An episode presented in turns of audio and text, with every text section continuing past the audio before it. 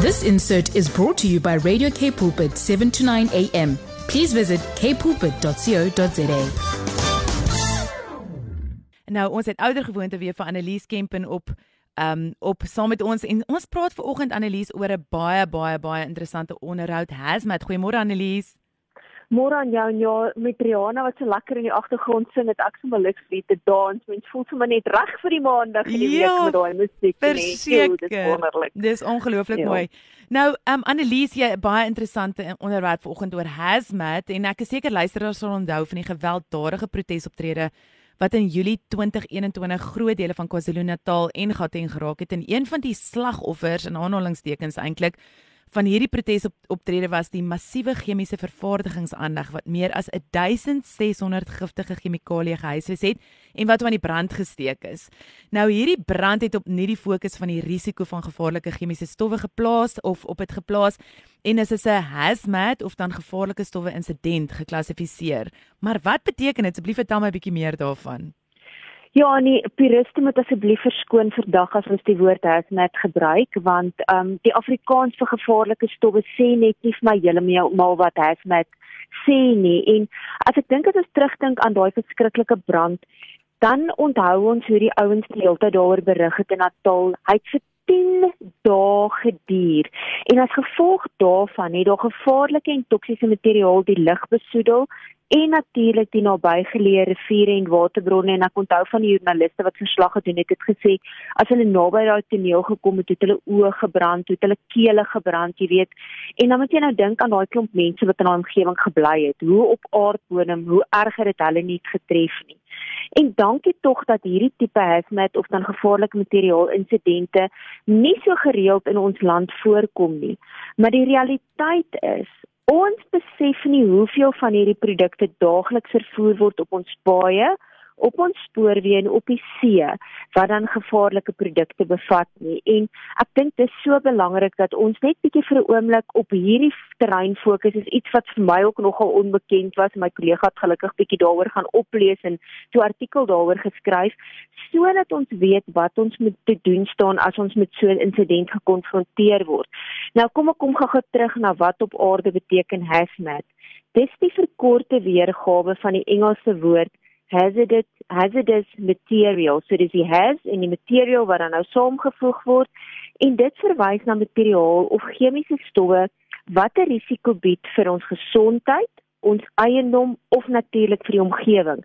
En dit sluit 'n klomp goeders in wat onder andere is giftiese giftige chemikalieë, brandstof, kernafvalprodukte, sowel as biologiese, chemiese en radioaktiewe materiaal en plofstowwe.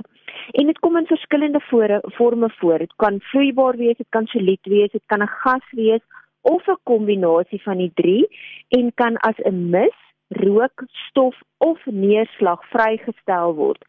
En dan kan hierdie hazmat insidente voorkom tydens produksiefase, wanneer dit gestoor word, tydens vervoer tydens gebruik of selfs as dit vernietig word.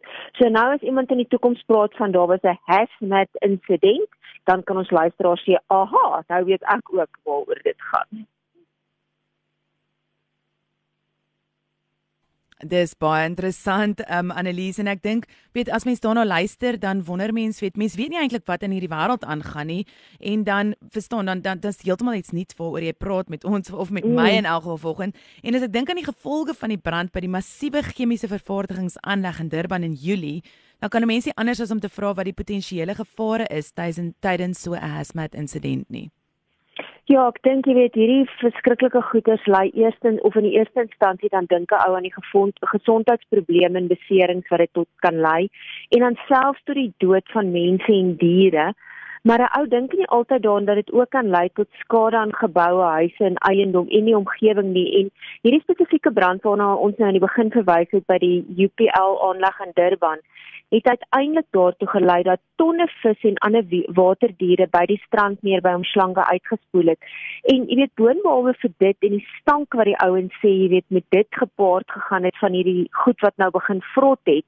Die eerste ding wat ek aan gedink het is maar watter impak het dit nie op die groter diere lewe nie. Hmm. Jy weet voëls wat natuurlik aas op daai vis wat gedink het, "Ag, oh, hier's 'n vinnige voedselbron vir my." Maar die oomblik as hulle natuurlik daai vis moes eet of ander diere lewe wat dit sou eet, sou natuurlik daai diere ook doodgaan. Jy weet, so dis daai sekondêre impak daarvan. En in hierdie geval met daai brand by daai aanleg in buite Durban, het hulle gesê natuurlik dit is nie hulle skuld dat dit afgebrand het nie, want dit was as gevolg van brandstigting van die klomp ouens wat die protesaksies en die jy weet die skade aangerig het daar in Durban verlede jaar. Maar hulle het ook gesê dat die in 'n media verklaring wat hulle uitgereik het dat hulle toe nou mooi verduidelik wat daartoe aanleg gegee het en daar was 'n klomp, jy weet, ouens wat gesê het ja, maar van hierdie goederes wat julle in julle aanleg gestoor het, was verban. So moet daar nie bietjie skuld aan julle kant ook geplaas word nie en ek is nie hmm. seker of daai ondersoek toe al afgehandel is nie. Maar hierdie maatskappy het ook in haar media verklaring te beweer dat hulle meer as 240 miljoen rand moes spandeer aan skoonmaak operasies en dat hulle ook om hulle deel te te probeer, jy weet, versag 'n kliniek laat oprig het of 'n kliniek in die omgewing het waar enige van die mense in daai omgewing wat gesondheidsprobleme ervaar het as gevolg van die brand by hulle aanleg kon aanklop vir mediese sorg. Maar die probleem is van so 'n insident en ek kan nogal dink met hierdie spesifieke een by Durban dat dit nie net onmiddellik is nie. Jy weet baie van hierdie goeders is jare later dan kom mense agter maar daar was een of ander probleem geweest En dit het onder andere in Milaan gebeur in Italië nadat 'n spesifieke brand by 'n chemiese aanleg 40 jaar gelede gebeur het. En dekades daarna was daar 'n toename in kankergevalle onder daai gemeenskap gewees. Jy weet so 'n klomp van daai mense het dit nie eens besef nie. En 40 jaar later of 20 of 30 jaar later toe kom hulle agter my hier's 'n groot probleem met kanker as gevolg van daai chemikalie wat vrygestel is. En dan dink ek kan ons almal probeer dink aan, jy weet, olierampe op see. Hmm. Wat 'n skade dit nie net ons dink altyd aan die pikkewyne. Jy weet die pikkewyne is mos altyd die ouetjies wat gered word en skoon gemaak word en so aan met so 'n verskriklike olieramp. Maar dit het 'n baie groter impak net op die pikkewyne byvoorbeeld. Jy weet die totale seelewe wat kan doodgaan um as gevolg daarvan koraalriwe as dit gebeur, jy weet wat die impak daarvan. En dan natuurlik ook die negatiewe ekonomiese impak wat dit kan hê omdat omdat daar soveel geld spandeer moet word op daai skoonmaak operasies, sowel as die gebied wat skade het en natuurlik toerisme, want wie wil nou na 'n area toe gaan waar deur so 'n verskriklike insident geraak word? En dan is daar natuurlik die risikofonds nooddienste en selfs die plaaslike polisie en verkeerspolisie wat onmiddellik moet reageer op sulke insidente, want dit hou 'n negatiewe impak vir hulle gesondheid in hulle dra nie as 'n reël hierdie hazmat pakke in hulle motor se bagasiery en verskriklike maskers om hulle self te beskerm teen die gifstowwe wat er met so 'n hazmat insident kan uh, jy weet kan inasem nie. Ja. So ja, volgende keer as daar so 'n ding is, dink bietjie verder aan net wat die onmiddellike impak, hoe groot kan so 'n impak uiteindelik wees? Ja, dis ongelooflik interessant. Um Annelies het vroeër verwys daarna dat hazmat insidente ook kan plaasvind terwyl sulke gevaarlike stowwe vervoer word. En ek weet as mense nou so ry op die paaie, dan sien jy nou hierdie trokke wat verby en dan staan daar nou so 'n groot hazard agterop en dan sien jy sommer dit is chemikalieë trokke wat daar ry, maar wat behoort die maatskappye wat dit vervoer te doen om die veiligheid van motoriste en hulle vragmotors bestuurders te verseker? En wat moet motoriste doen as ons sulke voertuie sien om risiko's te verminder? Ja, ek is so bly jy is definitief 'n oplettende bestuurder en jy let op, maar ek dink party ouens gaan sê o, gits, ek wonder eintlik hoe lyk like so voertuig. Ja, het ek al ooit een gesien? Verseker. het ek al ooit een gesien? En dink bietjie mooi gaan visualiseer of as jy dalk nou in die motor sit en of jy gaan weet jy gaan nou nou ry, gaan let bietjie op op die voertuie voor jou en die maklikste een om uit te ken is natuurlik ons petrol tankwaans en hulle het gewoonlik sulke goedjies met sulke maskers op of sulke goed wat lyk soos 'n weerligstraaltjie. Daar's allerlei sulke tekentjies wat op voertuie is. Maar wat gebeur met so 'n botsing en dis tog 'n ding wat jy totaal en al wil vermy en kom ons hoop en bid dit gebeur nie met een van ons ooit nie. Ja. Is dat uh, gevaarlike stowwe vrygestel of jy weet uh, versprei kan word na 'n botsing of 'n ander tipe insident en dit kan katastrofiese gevolge hê ten opsigte van ons openbare gesondheid en veiligheid, die omgewing en die eiendom en ek het reg onthou het ek verlede week gelees weer van so 'n insident wat op die N3 op pad Durban se kant toe gebeur het. En dit kan wissel vanaf enigiets van 'n vragmotor wat brandstof vervoer wat ons amper elke dag op ons paaie sien, tot 'n groot besending met giftige plofbare of radioaktiewe materiaal wat in tanks vervoer word of op skepe. Nou gelukkig is radioaktiewe materiaal nie iets in Suid-Afrika wat baie algemeen is nie, maar in lande wat wat dit gebruik word vir brandstof ag vir vir elektrisiteit opheffing is dit baie meer algemeen. So as jy dalk in die bevoordeelde posisie is om ergens oor see te reis, wees maar versigtig vir sulke voertuie wat jy ook op die pad gaan kry. En dan die, die verantwoordelikheid van sulke maatskappye wat dit vervoer is dat hulle bestuurders onder andere nie 'n lisensie mag kry om dit spesifiek te vervoer as hulle jonger is as 25 en nie hulle moet 'n professionele bestuurslisensie hê. So dis nie sommer enige ouetjie wat nou net, jy weet, sy lisensie op 18 gekry het wat dit mag vervoer nie. En dan moet hulle ook spesifiek versekerings uitneem wat voorsiening maak vir die opruiming van enige stortings as deel van hul gebruiklikheid bestuur. En die opruiming van so 'n insident is dan die verantwoordelikheid van diegene wat die vervoer van daai produkte hanteer. En elkeen van daai vervoerkontrakteurs behoort 'n kontrak te hê met 'n maatskappy wat dan daai skoonmaak van daai hazmat insidente kan doen en wat daarin spesialiseer. Nou, kom ons dink byvoorbeeld ek en jy ry gou winkel toe vanmiddag en skielik ry ons langs 'n tank waar wat brandstof vervoer en wat op aarde moet ons doen om so botsing te vermy? Nou ons almal weet ons spoornetwerk is nie wat dit was voor die oorlog nie en jy weet so baie meer van hierdie goederes is nou op ons paaie wat ons risiko van sulke insidente net eenvoudig verhoog. So behalwe dat ons natuurlik moet weet ons moet ten alle tye ons patreels gehoorsaam, behoort dit soveel meer ons daarop te let die oomblik as ons naby so 'n voertuig is. So moet asseblief nie skielik voor so 'n voertuig inswaai nie of skielik tot stilstand kom voor dit nie. Want onthou nou, nou maak jy daai risiko vir 'n botsing soveel groter. En jy in jou gewone motor met 'n vragmotor voorspel net moeilikheid. En baie ouens vergeet hierdie goue reël. As jy agter 'n vragmotor ry, as jy nie sy kant speeltjies kan sien nie, kan daai vragmotorbestuurder jou ook nie sien nie. So as hy skielik iets voor jou gaan doen, so skielik jy weet tog mos nou nooit wat staan wat is voor daai vragmotor aan die gang nie. As hy skielik voor jou gaan stop, weet hy nie jy met jou klein karretjie ry hier agter hom nie. So maak dit asseblief 'n punt dat jy altyd 'n vragmotorbestuurder se speeltjies aan die kante kan sien sodat jy weet hy kan jou ook sien en handhaaf asseblief 'n oordentlike volgafstand.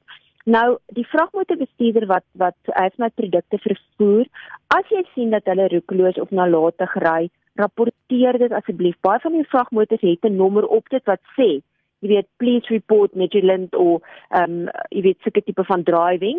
En bel dan nou nommer natuurlik as jy van 'n van 'n tol of van 'n handvrye nommer afskakel. Ehm um, moet dit nie net op jou selfoon doen nie. Of bel die verkeersbestuur nommer 0861400800 vir enige roekelose of nalatige bestuur maar soveel te meer vir hierdie ouens. 0861400800 en ek dink net ons moet asseblief onthou dat as daar ooit so 'n ding is ons kan nie noodwendig sien of ruik dat daar so 'n tipe van 'n ongeluk was nie omdat baie van hierdie stowwe swaarder is as lug en jy gaan dit jy dink altyd net aan olie of brandstof of so iets wat wat jy weet uitlek. Mm. maar baie van hierdie chemiese goeders sien jy nie. En dan dink jy ag dit is veiliger dat ek nader kan kom of ag niks gaan met my gebeur nie. Maar moenie moenie asseblief dit ooit doen nie Yes Annelies, dis baie interessant want as daar nou wel so botsing plaasvind waarby 'n vragmotor wat gevaarlike materiaal vervoer betrokke is, wat doen 'n mens? Verstaan, wat doen ek as motoris? Mm. Hoe gaan dit verskil teenoor opsigte wanneer daar 'n gewone botsing is en dan teenoor weet waar daar net gewone voertuie is en dan waar daar van waar daar nou van hierdie chemikalie voertuie betrokke is? Wat wat sal jy vir ons luisteraars sê? Wat wat doen ons? Help. Ja, daai belangrike ding is druk jou nuuskierigheid in jou sak asseblief. So, want ons is mos hierdie meesters om na so 'n toneel toe te hardloop en ons selfone te gryp en te begin om video's Video's te neem neem. sodat ons nou nou op sosiale media kan deel. En asseblief mense moet dit nie doen nie want eers gaan jy vir jouself bitterlik bitterlik kwaad wees en daai 1000 likes wat jy gaan kry, gaan vir jou niks beteken nie. Want Sjoe. daar's 'n rede hoekom ek dit sê en ek sê dit nie omdat ek dit sê nie, ek sê dit omdat die slim mense dit sê. Die belangrikste is in die eerste instansie kan dit 'n brandgevaar inhou wat natuurlik 'n negatiewe impak kan hê op jou gesondheid en op jou asemhalingsstelsel. En weer eens, baie van die chemikalieë is onsigbaar en reukloos en dit kan daartoe lei dat jy nog dink jy loop nader en in die volgende oomblik kap jy dalk om en jy verloor jou bewussyn en wat dan? Mm. Jy weet dan het jy dalk groot moeilikheid of dit kan lei tot ontploffing of 'n brand. So asseblief moenie nader hardloop nie. En dan ook, die voertuig wat hierdie gevaarlike stowwe vervoer het, gewoonlik daai tekens op wat ek nou nou wat jy en ek nou nou na verwys het wat sê, daai vrag is giftig, gevaarlik, dit bevat kernprodukte of dit is vlambaar, soos met ons petroltankwaans. So as jy op so 'n toneel afkom en jy sien Jy weet daar's nog nie nooddienste nie dit het letterlik nou net hier amper voor jou gebeur. Moet asseblief nie nader hardloop nie, maar moet minstens 100 meter vanaf daai voertuig wegbly en selfs dit kan te min wees in die geval van sekere gevaarlike stowwe. Maar as dit nou voor jou gebeur, moet jy in jou motor bly, hou jou vensters toe en daar's een uitsondering waar jy wel 'n foto mag neem, maar jy moet dit terwyl verkieslik nie doen terwyl jy uitklim nie en ek gaan nou verduidelik hoekom. Neem so vinnig as moontlik 'n foto van die tekens wat aan die agterkant is. Hulle praat van 'n UN nommer met 'n kode. En dis belangrik sodat wanneer jy dit rapporteer by die nooddienste, jy vir hulle kan vertel wat se tipe ehm um, chemikalieë of brandstof of wat ook al vervoer is in daai in daai vragmotor sodat hulle weet hoe om daarop te reageer. So dan kan jy ook 'n vinnige beskrywing daarvan vir die nooddienste gee sodat hulle weet, jy weet ons gaan nou hier doen met petrol of ons het 'n kernafval of is plofstowwe of wat ook al. En dan is daar 'n volgorde waarin ons die nooddienste moet skakel. In die eerste instansie die brandweer, tweedens paramedisy vir enige potensiële beserings en dan die polisie of die verkeerspolisie om dan natuurlik die toneel om die botsing te kom beskerm. So onthou dit brandweer, paramedisy en dan jou verkeerspolisie of jou polisie. En onthou asseblief is kardinaal dat jy hulle inlig dat daar voertuig betrokke was wat gevaarlike goedere of dan 'n hazmat vervoer het. Probeer dan ook om enige voetgangers of ander voertuie weg te hou vanaf daai hazmat voertuig of toneel en moet asseblief nie enige flitsse, selfone of radio's baie naby aan daai voertuig gebruik ge nie want enig van daai vonkies kan tot potensiële ontploffings lei. Ek wonder hoeveel van ons um, luisteraars het al opgelet dat daar 'n selfoontekentjie is by 'n uh, brandstofstasie, by petrolstasie wat ja. sê moed dit nie gebruik nie O, en daar's 'n rede daarvoor. So asseblief, moet dit nie doen nie. Ek weet ons is almal skuldig daaraan. Hou jou brand ag ja, hou jou voertuig se deure en vensters toe en moet asseblief nie naby so 'n toneel rook nie. Nou jou laastens gebruik jou logika naby so botsings of stortingstoneel. Moenie laat jou nuuskierigheid die oorkant uh, oorhand kry nie. Jy gaan betaal met jou gesondheid, het sy onmiddellik of op die lang termyn. Yes Annelies. Ongelooflik, ek dink die mens kan mens mens het altyd hierdie gesprekke nie en ek wil sommer net weer daai nommer herhaal wat die wat, wat ons luisteraars kan skakel. Dis daai 0861400800. Dit is korrek, nê? Nee. Dis 100% korrek. Ja, vir alle padvarke. Ehm so, maar soveel te meer as van hierdie van hierdie voertuie se ouens dalk roekloos of nalatig bestuur. Yes, Annelies, dis altyd so interessant. Ek kan elke keer, elke week ek donderdag toe ek nou met Annelies begin kontak maak, toe gaan ek soos, "Waar is ons tema? Ek wil weet waar praat ons volgende week." Want dit is so interessant en is dis regtig aktuelle sake waarmee waaroor mense eintlik moet praat, waaroor mense nooit kan praat nie, maar hulle kan definitief ook gaan inskakel by Servamus se webtuiste en hulle kan jou ook e-pos by annelies@servamus.co.za en sommer net bietjie gesels en um ja, gaan gaan kyk wat wat is hulle hulle se uh, gemeenskapsgebaseerde veiligheids- en sekuriteitstydskrif. Maar Annelies, julle het ja, so julle julle titels en die dinge waaroor julle praat is ongelooflik. Enigiets anders wat jy van jou kant af die luisteraars mee wil los Annelies?